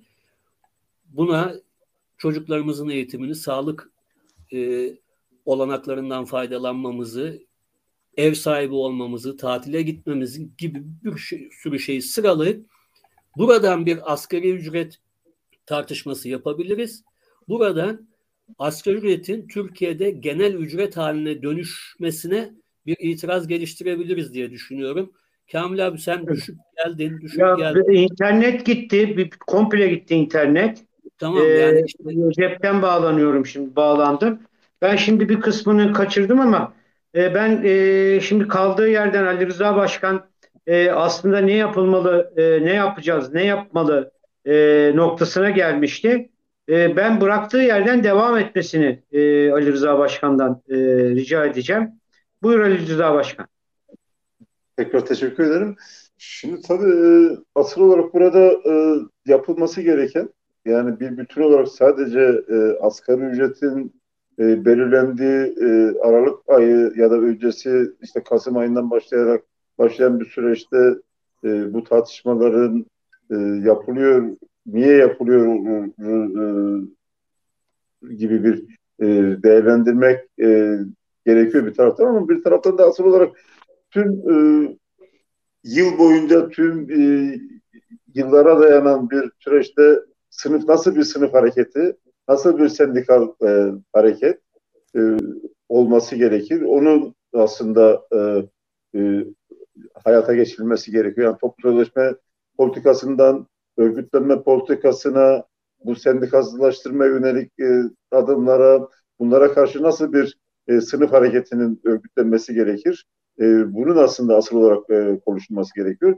Bir de tabii işin bir diğer önemli yanı e, bu süreçte e, özellikle toplumsal muhalefeti sadece toplumsal muhalefet sadece e, sendikal hareketle sadece sınıf hareketiyle e, sınırlandırmak da doğru değil elbette. Yani toplumsal muhalefette sınıf hareketinin etkisini e, etkisini genişletilmesi yani burada bir e, sınıf hareketinin toplumsal muhalefetle daha etkili bir şekilde e, AKP iktidarına karşı e, nasıl bir mücadele? Bu iktidardan kurtar, e, kurtulması ve daha demokratik bir e, atılımın sağlanacağı bile, bileceği bir koşulların yaratılma mücadelesi, toplumsal mücadeleyle, sınıf hareketiyle e, bunun e, mücadelesinin etkili bir şekilde verilmesi bu son e, özellikle bu yaşanan yaşadığımız son günlerde e, özellikle bu e, devalüasyonun e, da sonuçlarıyla beraber e, halktaki tepkilerin de e, sadece e, işçi sınıfındaki değil sadece genel olarak toplumsal muhalefetteki halk üzerindeki bir e, mücadele etme eğilimi giderek e, daha fazla e, bir hak alma e, mücadelesinin de koşullarının yaratıldığı bir e, süreçteyiz. O bakımdan burada e, tabii e, geçtiğimiz e, yıllardaki e, toplumsal e, mücadelenin e, dinamiklerine de, baktığımızda da burada en fazla e, burada belirleyici olan güç olabildiği kadar e, sınıf hareketinin burada e, toplumsal muhalefette de daha etkili bir şekilde olabilmesi ve daha etken bir güç olarak e, ortaya çıkmasının e, koşullarını e, sağlamak gerekiyor.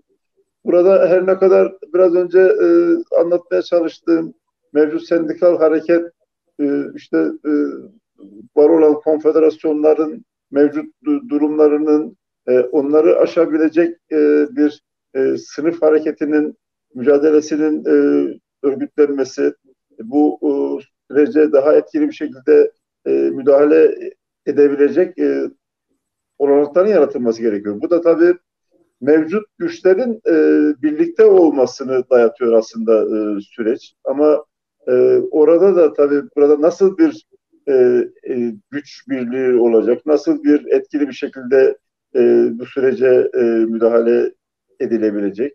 Yani burada e, bu sürecin e, sürecin en önemli şeylerden bir tanesi bu mücadelenin e, öncelikli olarak bir e, anti-emperyalist bir e, özellik nitelik taşıması e, gerekiyor. Yani anti-emperyalist bir e, içerikte gelişen bir e, toplumsal muhalefet ve sınıf hareketinin gelişiyor olması, yine e, burada var olan orta çağcılığa karşı bir e, mücadelenin daha etkili bir şekilde yürütülüyor olması gibi e, genel başlıklar e, yanında e, aynı zamanda e, bir diğer önemli şey de biraz önce söylediğim gibi gerçekten sınıfta e, objektif olarak bir e, direnme ve mücadele e, eğilimleri var. Yani bunu çok farklı e, iş kollarında bunu görüyoruz.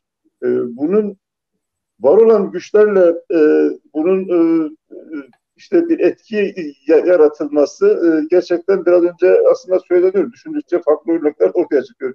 Biliyorum mesela ben kaç tane örnek birebir biliyorum. E, özellikle bu e, teşvik bölgesinin olduğu e, Adıyaman e, ve, e, ve diğer illerde, o civardaki illerde hani biz e, asgari ücret diyoruz. Bazı fabrikalarda, bazı iş yerlerinde e, işveren tabii asgari ücretin altında resmi olarak kimseyi çalıştıramaz. Ama asgari ücreti yatırıp ondan sonra işçinin belli bir miktar bin lirasını örneğin ya da 500 lirasını işverene geri verdiği örnekler de var. Yani burada bir taraftan e, devletten teşvik alıp ama bir taraftan da yüzlerce işçinin çalıştı. Yani bu sadece bu 15-20 kişinin çalıştığı küçük işletmeler değil. Yüzlerce işçinin çalıştığı tekstil bir taraftan devletten teşvik alan ama bir taraftan da dediğim gibi e, asgari ücret çalıştırıp ama o, o, o asgari ücret alan işçinin de bankamatikten parasını çektiğinde çünkü o, onun altında ücret e, vermeme gibi verememe gibi yasal bir sorumluluğu var. Bir kısmı tekrardan işverene iade ettiği örnekler var. Bu aslında gerçekten sınıf hareketinin ne kadar e, güçsüzleştiğini, ne kadar etkisizleştiği yani şöyle bir kaygısı yok. Ben 12 e, Eylül öncesinde e, biliyorum. 12 Eylül öncesinde sadece İstanbul'da 80-90'a yakın metal iş kolunda fabrik şey vardı. Sendika vardı. Farklı farklı e, fabrikalarda örgütlenen sendikalar vardı ve işverenler ya bugün olmasa yarın buraya nasıl olsa sendika gelecek kaygısı yaşardı. Ama şu, şu anda sendikalı işçi sayısının toplam işçi sayısına olan oran ortada. Bir de bunlardan toplu sözleşme hakkı sağlayan ve toplu sözleşme kapsamında olan hepimizin bildiği gibi toplam e, yüzde e, altı yüzde yediyi geçmeyen bir e, sayı var. Onların da nasıl bir toplu sözleşme politikası var, nasıl bir örgütlülük var, o onlar da biraz önce söylediğim gibi tamamen bir sarı sendikacılığın egemenliği altında olan bir sınıf hareketi var. Bunun kırılmasına yönelik gerçekten iradi olarak var olan direnişler önemli. Direnişler ve mücadeleler irili ufaklı da olsa bunların hepsini önemsiyoruz biz. Yani o, o bakımdan bunların daha etkili bir şekilde çünkü direnişlerin e, her bir direnişin aslında sınıf hareketine yaratmış olduğu bir e, olumlu bir etki var. Yani çok az sayıda da olsa, çok e, şey sınırlı da olsa bu etki ama bu etkiyi genişletebilmek gerçekten bir e, etkili bir sınıf hareketine ve nitel dönüşümü sağlayacak bir e, etki yaratabilecek bir e, sürece e, yönelmesi, bunun bir e, toplumsal muhalefetin önümüzdeki süreçte daha etkili olması, bir, e, demokratik olarak bir takım gelişmeler e, kaydetmesi bu süreçte ve buna e, da sağlayacak olan bir e, sınıf hareketinin e, mevcut e, direnişlerin, mevcut devam eden e, mücadelelerin daha etkili bir şekilde bir güç kazanmasına bağlı. Bir taraftan tabii burada bunları söylerken e, mevcut e, sendikal yapıların da e, çünkü e, Kamil Başkan da e, çok o, o süreçte tanır. Örneğin e, bahar eylemleri sürecinde o süreci yaşadığımız süreçte birçok sendikada e, demokratik muhalefetler var. Yani o dönemde tek gıda işte mesela hava işteki demokratik muhalefet bir e, yönetim değişikliğine neden oldu. E, işte e, tek gıda işte vardı, diğer e, e tekstifte vardı. Yani birçok böyle büyük sendikada e, bir e, demokratik muhalefetler vardı. Ancak burada tabii bir e, görülmemiz gereken bir gerçeklik de sınıf içerisindeki o nitel e, etki yaratabilecek olan e, etki yaratabilecek olan e, güçler e, devrimci ve sosyalist güçler aslında. Ama bu e, e yani nitel etki yaratacak yani bu etkiyi yaratabilecek e, güçler bunlar. Ancak giderek yalnız bir gerçeklik var. E, bu şeyde e, bu etki de e, geçmişe göre kıyasladığımızda bu e, e, etki de giderek zayıflayan bir etki. Yani bir taraftan e, o sınıfta objektif olarak dirende mücadele etme eğilimi var ama bir taraftan da bunu subjektif anlamda bir örgütle nitel anlamda bir e, etkili bir sınıf hareketine e, dönüştürebilecek güçler açısından da bir e, ne yazık ki bir e, etkisiz daha da giderek etkisiz sınırlanan bir e, süreçteyiz. Bunu aşmak lazım. Bunu aşabilecek aslında bir e, birikim var Türkiye'deki e, sınıf hareketinin. E, bu yönde e, çaba göstermek lazım. E, irili ufaklı ben tüm e, çabaları önemsiyorum. Çünkü farklı iş kollarında e, dediğim gibi e, direnle mücadele etme eğilimi her geçen gün e, yükseliyor. Mesela Uzel mücadelesi bu konuda gerçekten çok somut bir örnekte. Çünkü Uzel'deki arkadaşlarımızın siyasi kimliğinin büyük çoğunluğu işte geçmişte AKP'ye oy vermiş, MHP'ye oy vermiş işlerden oluşur. Ama bu işçi arkadaşlarımız bile şu süreçte bazı şeyleri nasıl bir e, değişim içerisinde olduğunu, olması gerektiği konusunda direniş çünkü e, gerçekten mücadele okullarıdır. Her zaman her direniş ve her e, grev, her işçi sınıfı hareketi, e, işçi sınıfının aynı zamanda mücadele okullarıdır. Bunlar çok açık bir şekilde görülüyor.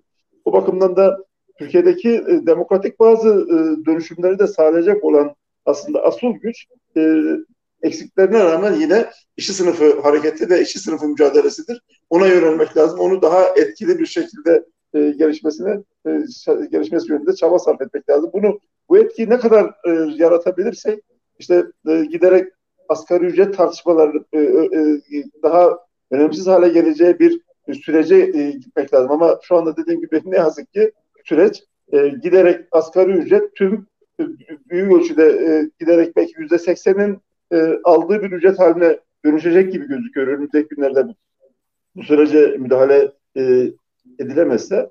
Bunu tersine çevirebilecek bir potansiyel var Türkiye sınıf hareketinde bir birikim var. Asıl olarak e, bu yönde hep beraber kararlı olmak lazım. Başkanım evet. kısaca bir soru sorayım. Yanıtını da kısa verirseniz sevinirim. Şimdi bu tam söylediğiniz yerden bir e, soru aslında. Özellikle son bir buçuk iki aydaki ama özellikle bu hafta içindeki gelişmeler nedeniyle özellikle sosyal medyada ve medyada yoğun olarak e, bir genel grev çağrısına da tanık olduk. Aslında e, var olan hali e, bakarsak ekonomik olarak, demokratik olarak e, siyasal olarak yani emekten doğru bunlara baktığımızda genel grev koşulları var. Fakat işte siz de anlatıyorsunuz. Sendikal örgütlenme ve sınıf örgütlenmelerin hali de ortada. Bu konuda ne düşünüyorsunuz? Kısa olursa sevinirim. Şimdi e, burada tabii e, e, koşullar itibariyle objektif koşullar e, e var gibi gözüküyor ancak subjektif koşullar e, ne yazık ki e, bir genel bir e, direniş ve genel bir e, grev çağrısı yapmanın ne yazık ki koşullar yok. Bazen bu sloganlar hani gönül bazı şeyleri istiyor gibi var olan gerçeklikten e, ayırmamak lazım. Yani sloganları da gerçekliğe uygun olarak söylemek lazım. Yoksa bugün e, elbette şu süreci tersine çevirebilecek etkin bir mücadele ortaya konulması e, bu e, insanlar bunu arzuluyor. Bu beklenti içerisinde ancak bir e, gerçeklik de e, sınıfın mevcut örgütlülüğünü, sendikaların mevcut durumunu da e, objektif olarak görmek lazım. Yani bu ben bu tür çağrılar için gerçeği çok fazla e, gerçekçi bulmuyorum. Yani bunu gerekliliği ayrı şey olması gerekliliği ayrı şey ama bu ama bu e, objektif olarak da işçi sınıfının aynı zamanda e, siyasi anlamda da e, örgütlülüğü açısından baktığımızda ki meseleye tek başına ekonomik bir e, mücadele olarak da görmemek lazım e, o, o, o anlamıyla. Bunun koşullarının da e, olduğunu görmüyorum ama dediğim gibi bazen e, kulağa hoş gelsin diye bazı sloganları e, atmak da çok e, gerçekçi olarak görmüyorum. Ama e, dediğim gibi e, gerçekten e, objektif olarak bir mücadele etme eğilimi, bir mücadele potansiyeli bunlar her iş kolunda görülüyor. Yani bunun da şey örnekleri var çünkü e, işçiler, işçi sınıfı giderek yoksullaşıyor, giderek daha güvencesiz e, hale geliyor, daha esnek çalışma adı altında, işsizlik baskısı altında e, koşullar giderek daha ağırlaşacağı benziyor. Bu pandemi koşullarıyla da bu aslında bu koşullar daha da arttı. Ancak bir taraftan da dediğim gibi bunun e, etkili bir şekilde bunu bu örgütlemenin e, örgütlemelerin de yaratılması asıl olarak oraya yoğunlaşmak lazım. Yoksa e, şu andaki mevcut e, sendikal yapılar da ortada. Yani bu mevcut sendikal yapılardan işte biraz disk yönetimine yönelik yerleştirme var. En e, olumlu burada diğer e, konfederasyonları da etkileyebilecek olan her şeye rağmen e, DİSK'tir. Geçmiş mücadelesiyle, bir, mücadele birikimiyle e, değerlendirdiğimizde, gördüğümüzde yine gerçekten sınıf hareketini de diğer konfederasyonları da e, etkileyecek bir, bir güç DİSK'tir. Mesela bunun örneği e, özellikle 1 Mayıs tartışmalarının yapıldığı e, 2008 ve daha sonra 1 Mayıs'ların da Taksim'de yapıldığı yıllara baktığımızda aslında diskin her şeye rağmen, eksikliğine rağmen o, o süreçte diğer konfederasyonları da etkileyen bir e, mücadele e, oldu. Mücadele süreci oldu ve e, Taksim'de tekrardan 1 Mayıs'ta kutlanmaya başlandı kitlesel olarak. Daha bir e, etkili bir rol aldı o süreçte. Ancak şu anda baktığımız zaman bir e, ayrımını net bir şekilde ortaya koyan sarı sendikalcılıkla diğer konfederasyonlarla ayrımını ve mücadelesini net bir şekilde ortaya koyan bir e, disk e, yerine daha çok o diğer konfederasyonlarla paralel bir mücadele anlayışı olan e, bir e, daha çok o paralelde bir e, mücadele hattı genel olarak söylüyorum. Elbette e, farklılığını her zaman e, koymak lazım diskin. Bu ayrı bir şey ancak genel olarak şu sürece baktığımızda e, daha fazla ayrımlarını değil daha çok ortak şeyleri e, söylemleri bir arada bulunan bir disk yönetimi var. Tersine tam da bu süreçte aslında e, sarı sendikacılıkla ve diğer konfederasyonlarla ayrımı e, daha netçe ortaya koyan bir disk e, diske ihtiyaç var. Yani işçi sınıfının e, çünkü mücadele potansiyeli olarak gene sınıfı da toplumsal muhalefeti de etkileyecek olan aslında şu süreçte de daha fazla etkileyecek olan çünkü geçmişte e, bunun e, örnekleri çok yaşadık. Yani 12 Eylül öncesi biraz önce söylediğim işte Taksim'de 1 Mayıs'ların e, kutlanmaya başlandığı süreçlerde e, şu anda diskin e, bu mücadelede bir e, sınıf içerisinde de toplumsal mücadelede de eksikliğine rağmen tarihsel olarak böyle bir e, etkili bir şey var, e, gücü var.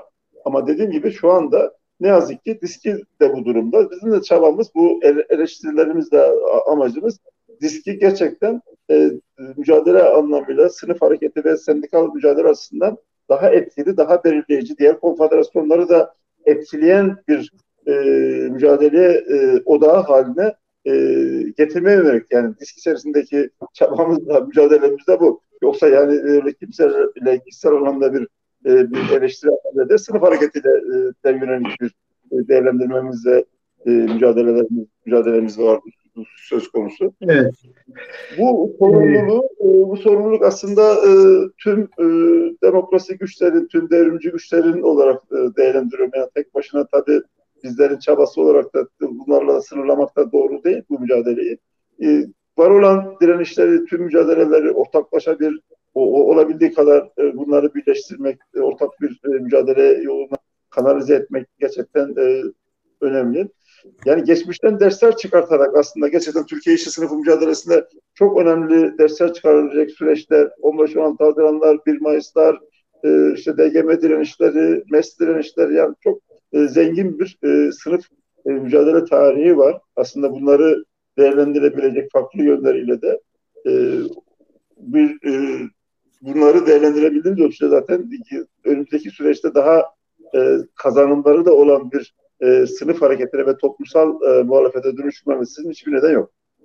Evet, e, çok sağ olasın e, Başkan.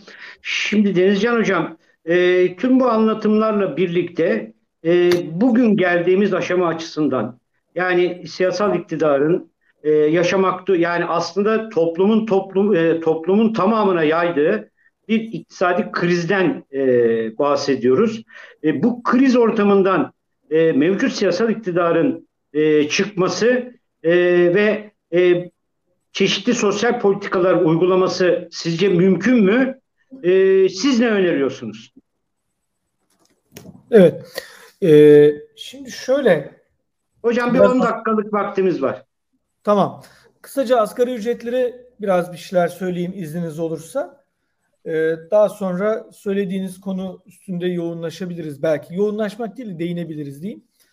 Şimdi biraz önce bu çerçevesini çizmeye çalıştığım e, ortamla aslında şu anki asgari ücret tartışmalarına e, geldik. Asgari ücret tabii Türkiye için çok önemli. E, bir kere asgari ücret dediğimizde şu saptamayı yapmak gerekiyor. E, asgari yani ödenebilecek en düşük ücret yani bir işverenin ödeyebileceği en düşük miktar olmasının ötesinde bir başka anlamı daha var asgari ücretin. Yani asgari ücret asla e, bu konu üstünde mesela yoğunlaşılması gereken, bir talep oluşturulması gereken, üzerinde çok durulması gereken bir nokta ve yavaş yavaş da aslında sınıf örgütlerinin gündemine bu programla da birlikte e, yani bu programdan da hani e, belki e, izleyicilerimizin e, alıp bunu daha sonra başka yerlere taşıyarak e, belki çıkacak mesajlardan biri de şu olabilir diye düşünüyorum. Yani asgari ücret asla iş gücü piyasasındaki bir asli ücret değildir. Yani asgari ücret şu ana kadar şey gibi tartışılıyor sadece. Yani e, ödenebilecek en düşük tutar. Bunun altında yasal olarak ödenemez. Tamam hani bu e, ama asgari ücret tartışması bundan ba- e, yani bu, bunun ötesinde bir boyutu olması lazım. Çünkü mümkün olan en az sayıda çalışana aynı zamanda ödenmesi gereken bir e, tutardır. Bu şekilde düşünülmelidir ve böyle uygulanması gerekir. Sınırlı sayıda bir kesimin ücreti e, olması gerekir asgari ücretin ve bu e, toplum ya belki bilince de çıkartılması gereken kitle örgütlerinin bundan sonra e, güçlü bir biçimde e, sendikaların vesaire e, vurgulaması gereken bir e, nokta olması gerekir diye düşünüyorum. Belki bu noktanın altı e, çizilebilir çünkü Türkiye'de aynı zamanda yani orta ortalama ücrete dönüşme eğiliminde. E, mesela Diskar'ın açıklamalarına baktığımız zaman e, asgari ücret ve civarında çalışan, asgari ücretli değil ama civarında çalışan, aşağısında yukarısında çalışanların oranının %57 olarak hesaplandığını görüyoruz. 10 milyon civarında bir çalışana bu e, denk düşüyor e, diyebiliriz. Asgari ücretle ilgili aslında söyleyeceklerim vardı ama sanıyorum çok e, vaktimiz e, kalmadı. Şimdi e, burada e, sosyal politikalar denildi. Şeyi söylemek isterim izninizle. Asgari ücretler denildiği zaman e, tartışmanın e, bir de atlanan belki diyebileceğimiz şöyle bir boyutu var. Beraberinde gelen ve e, görünmeyen yüzü diyebileceğimiz şöyle bir boyutu var. Türkiye'de benim kısmen hani daha yoğun çalıştığım bir konu olması bakımından e, e, onu da gündeme de getirmek istedim. E, sosyal yardımlar. Asgari ücret artışıyla ve asgari ücret miktarıyla sosyal yardımlar arasında ne tür bir ilişki var denilecektir. E, şöyle, e, Türkiye'de sosyal yardım kapsamına giren nüfusun belirlenmesinde e, çeşitli ölçütler baz alınır. E, yardım programlarına göre değişmekle birlikte e, sosyal sigortalar e, yok sosyal sigorta yoklaması yapılır çeşitli yardım programlarında ve e, çeşitli yardım programlarının e, hak edip hak etmediğine başvuran kişi ve hanelerin belirlenmesinde de gelir tespiti uygulanır. Gelir testi ne tabi tutulur başvuran kişi. Bu noktada da asgari ücret bir cetvel, bir barem ücret olarak görev üstlenir. Bu nerede düzenlenmiştir? 3294 sayılı 1986 tarihli daha sonra bu düzenleme eklenmiştir. E, sosyal yardımlaşmaya dayanışmayı teşvik kanununda düzenlenmiştir. Peki bu nasıl uygulanır denir ki e, başvur ha, yani hanede kişi başına düşen gelirin gelir asgari ücretin üçte birinden aşağıdaysa eğer net tutarının asgari ücretin üçte birinden aşağıdaysa bu hane sosyal yardım kapsamında kabul edilir. Şimdi bir Rakam var mı hocam bu konuyla ilgili? Yani ne kadar hane halkı e, yararlanıyor bundan şu anda? Ya şöyle yok bu değil. Özür diliyorum. Bu değil. Bir dakika. Ha, şuna şu gözüküyor mu? Şey olarak hani tek kalem kalem onu şu an buraya getirmem çok mümkün değil. Çok karmaşık bir konu. İsterseniz onu bir akşam ayrı bir sosyal yardım programı yaparız ve orada hani e, Tabii hocam çok seviniriz. Yani hani ben kendimi şey yapmak için söylemedim. Biraz karmaşık ve teknik boyutları olan bir konu. Ama en azından şunu söyleyeyim. Ee, bu muhtaçlık gelirinin yıllara göre seyri benim hesapladığım bir şey, hazırladığım bir şey değil. Şimdi şu da 2021 yılına en aşağıdaki tablonun en aşağıdaki satırına bakacak olursak 2021 yılında asgari ücretin net tutarını görüyoruz. Şimdi e, kanunda asgari ücretin üçte biri diye geçer muhtaçlık geliri. Ama uygulamaya baktığımız zaman fon yani sosyal yardımlaşmayı dayanışmayı teşvik fonu kime? E, ilçe bazında kurulan sosyal yardımlaşmaya dayanışma vakıflarına Türkiye'de yanılmıyorsam en son 1003 tane e, sosyal yardımlaşmaya dayanışma vakfı var. Valiliklere ve kaymakamlıklara bağlıdır.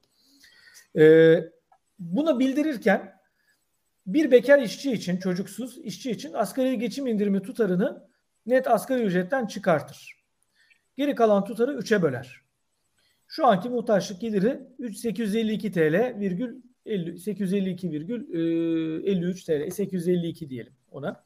Ona atalım de küsuratını 852 TL olarak belirlenmiştir. Şimdi bunun altında kalan hanelerin tamamı sosyal yardım kapsamındadır demiyorum. Teorik olarak böyle kabul edilmiştir ama başka ek kriterler yardım programlarına göre değişen ek kriterler vardır. Buraya girmeyeceğim ama şunu söylemek istiyorum. Bakın şu hesaplamadaki en üstteki şeye bir bakacak olursak burada 3 kişilik bir haneyi düşünelim. 852,53 çarpı 3 dediğimiz zaman yani 2557 TL ve gelir elde eden hane halklarının 2021 yılı hesaplaması itibarıyla sosyal ya 5 kişilik bir haneyi Türkiye'de düşündüğümüz zaman ya da ortalama hane halkı büyüklüğü Türkiye'de 4 3410 Biraz daha çıktığımız zaman 4262 TL. Şimdi asgari ücretin daha yüksek belirleneceği düşünülüyor. İşte bir yüzde 40 zam vesaire gibi bir laf ortalarda dolanıyor. Bu dolayısıyla tutarın artacağını, muhtaçlık gelirinin artacağını, dolayısıyla Türkiye'de sosyal yardımların kapsamına giren potansiyel nüfusun tamam mı? Yani bizatihi hemen yardım alan konumuna gelmeyecek belki. Çünkü başvuru esasına dayalı. E, ama potansiyel nüfusun artacağını dolayısıyla önümüzdeki süreçte e, sosyal yardımlar kapsamındaki diyeyim e, nüfusun artacağını öngörebiliriz. E, burada kritik olan bence konu biraz şöyle bir yere e, denk düşüyor. E, ekran paylaşımım durdu mu? Durdu. Yok hocam. Ha, durdu değil mi? Tamam. Çünkü kapatmıştım e, şöyle bir şeye denk düşüyor. Yani bence e, asgari ücret artışı ve sosyal yardımlar konusu e, biraz kritik bir yerde duruyor diye düşünüyorum ben. E, bu başta söylemiş olduğum yani e, o sosyal politikaları, sosyal yurttaşlığın tarihsel eğilimlerinden sosyal yurttaşlığa dayalı, e, anayasal yükümlülüklere dayalı, tamam mı? E, sosyal politikanın tarihsel eğiliminden ayrıştırıp bir lütufkar bir mantıkla bahşederek topluma sunma eğilimlerini kıran bir dilin içerisine e, bir dili de aynı zamanda şey yapmak gerekir. Bu kitle örgütlerinin bir temsil ilişkisi içerisinde kapsamadığı e, yoksul nüfusu, bir bölümü asgari ücretli de olan ve sosyal yardım da alan nüfusu politik bir alanın içerisine çekmek demek aynı zamanda.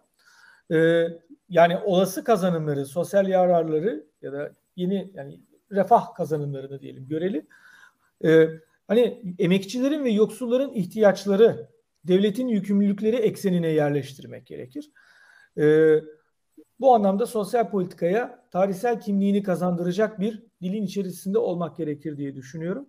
Çünkü e, şöyle eğilimler var. Özellikle sosyal yardımlar söz konusu olduğunda yani yardım alan nüfusu böyle bir e, siyasal iktidarla birlikte düşünen, hani onu bir kitle tabanı, iliştirilmiş bir kitle tabanı gibi düşünen eğilimler var.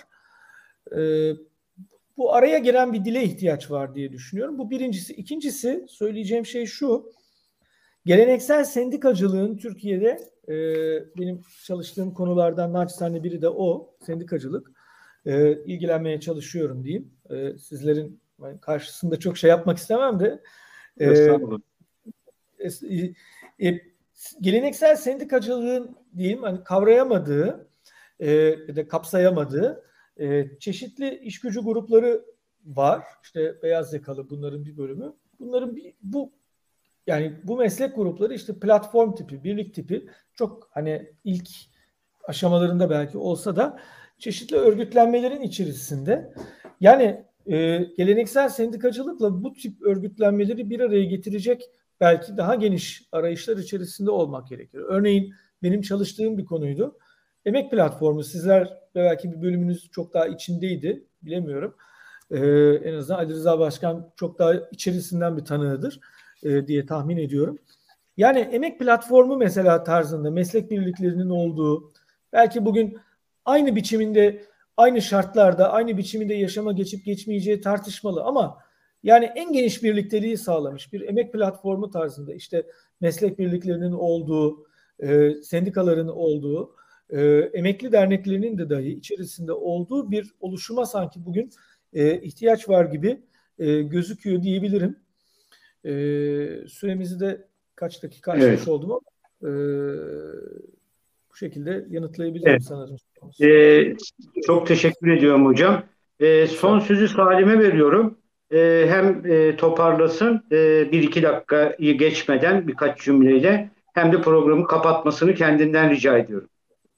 Sağ olasın abi. Ben izleyenlerimizle e, bir duyuru da yapayım. Bulundukları yerlerde e, emekten yana bir direniş, haber, bizimle paylaşmaların paylaşmayı düşündükleri bilgiler varsa sosyal medya hesaplarımızdan yazabilirler. Mutlaka e, onların sesi olmaya çalışırız diyorum. Şimdi ben hem başkanımın söylediği hem hocamın söylediklerinden e, birinci çıkaracağım sonuç ya da çıkardığım sonuç e, özellikle başkanımın söylediği var olan koşullarda sadece sendikaların mücadelesinin yetmeyeceği, bunun siyasal yanında olması gerektiğine ilişkin o zaman şöyle bir çağrıyı da yapmak gerekiyor e, iş yerlerinde, sokaklarda, tarlalarda yani işçilerin, işsizlerin, öğrencilerin, çiftçilerin bu kabaran dalgasını siyasal olarak örgütlemekle birlikte sendikal olarak da örgütlemeye yönelik e, çaba göstermeliler. En azından sınıftan yana siyaset yaptığını söyleyen partiler. Son eylemleri de birleştirme yönünde, örgütleme yönünde bir adım atmalılar. Bunun için de öncelikli olarak kendileri bir araya gelmeliler hiç olmazsa temel sorunlar noktasında. Hocamın söylediklerinden de belki kendi adıma naçizane bir ilave yapmak isterim. Hem bu sosyal yardımlar konusunda hem de asgari ücret konusunda.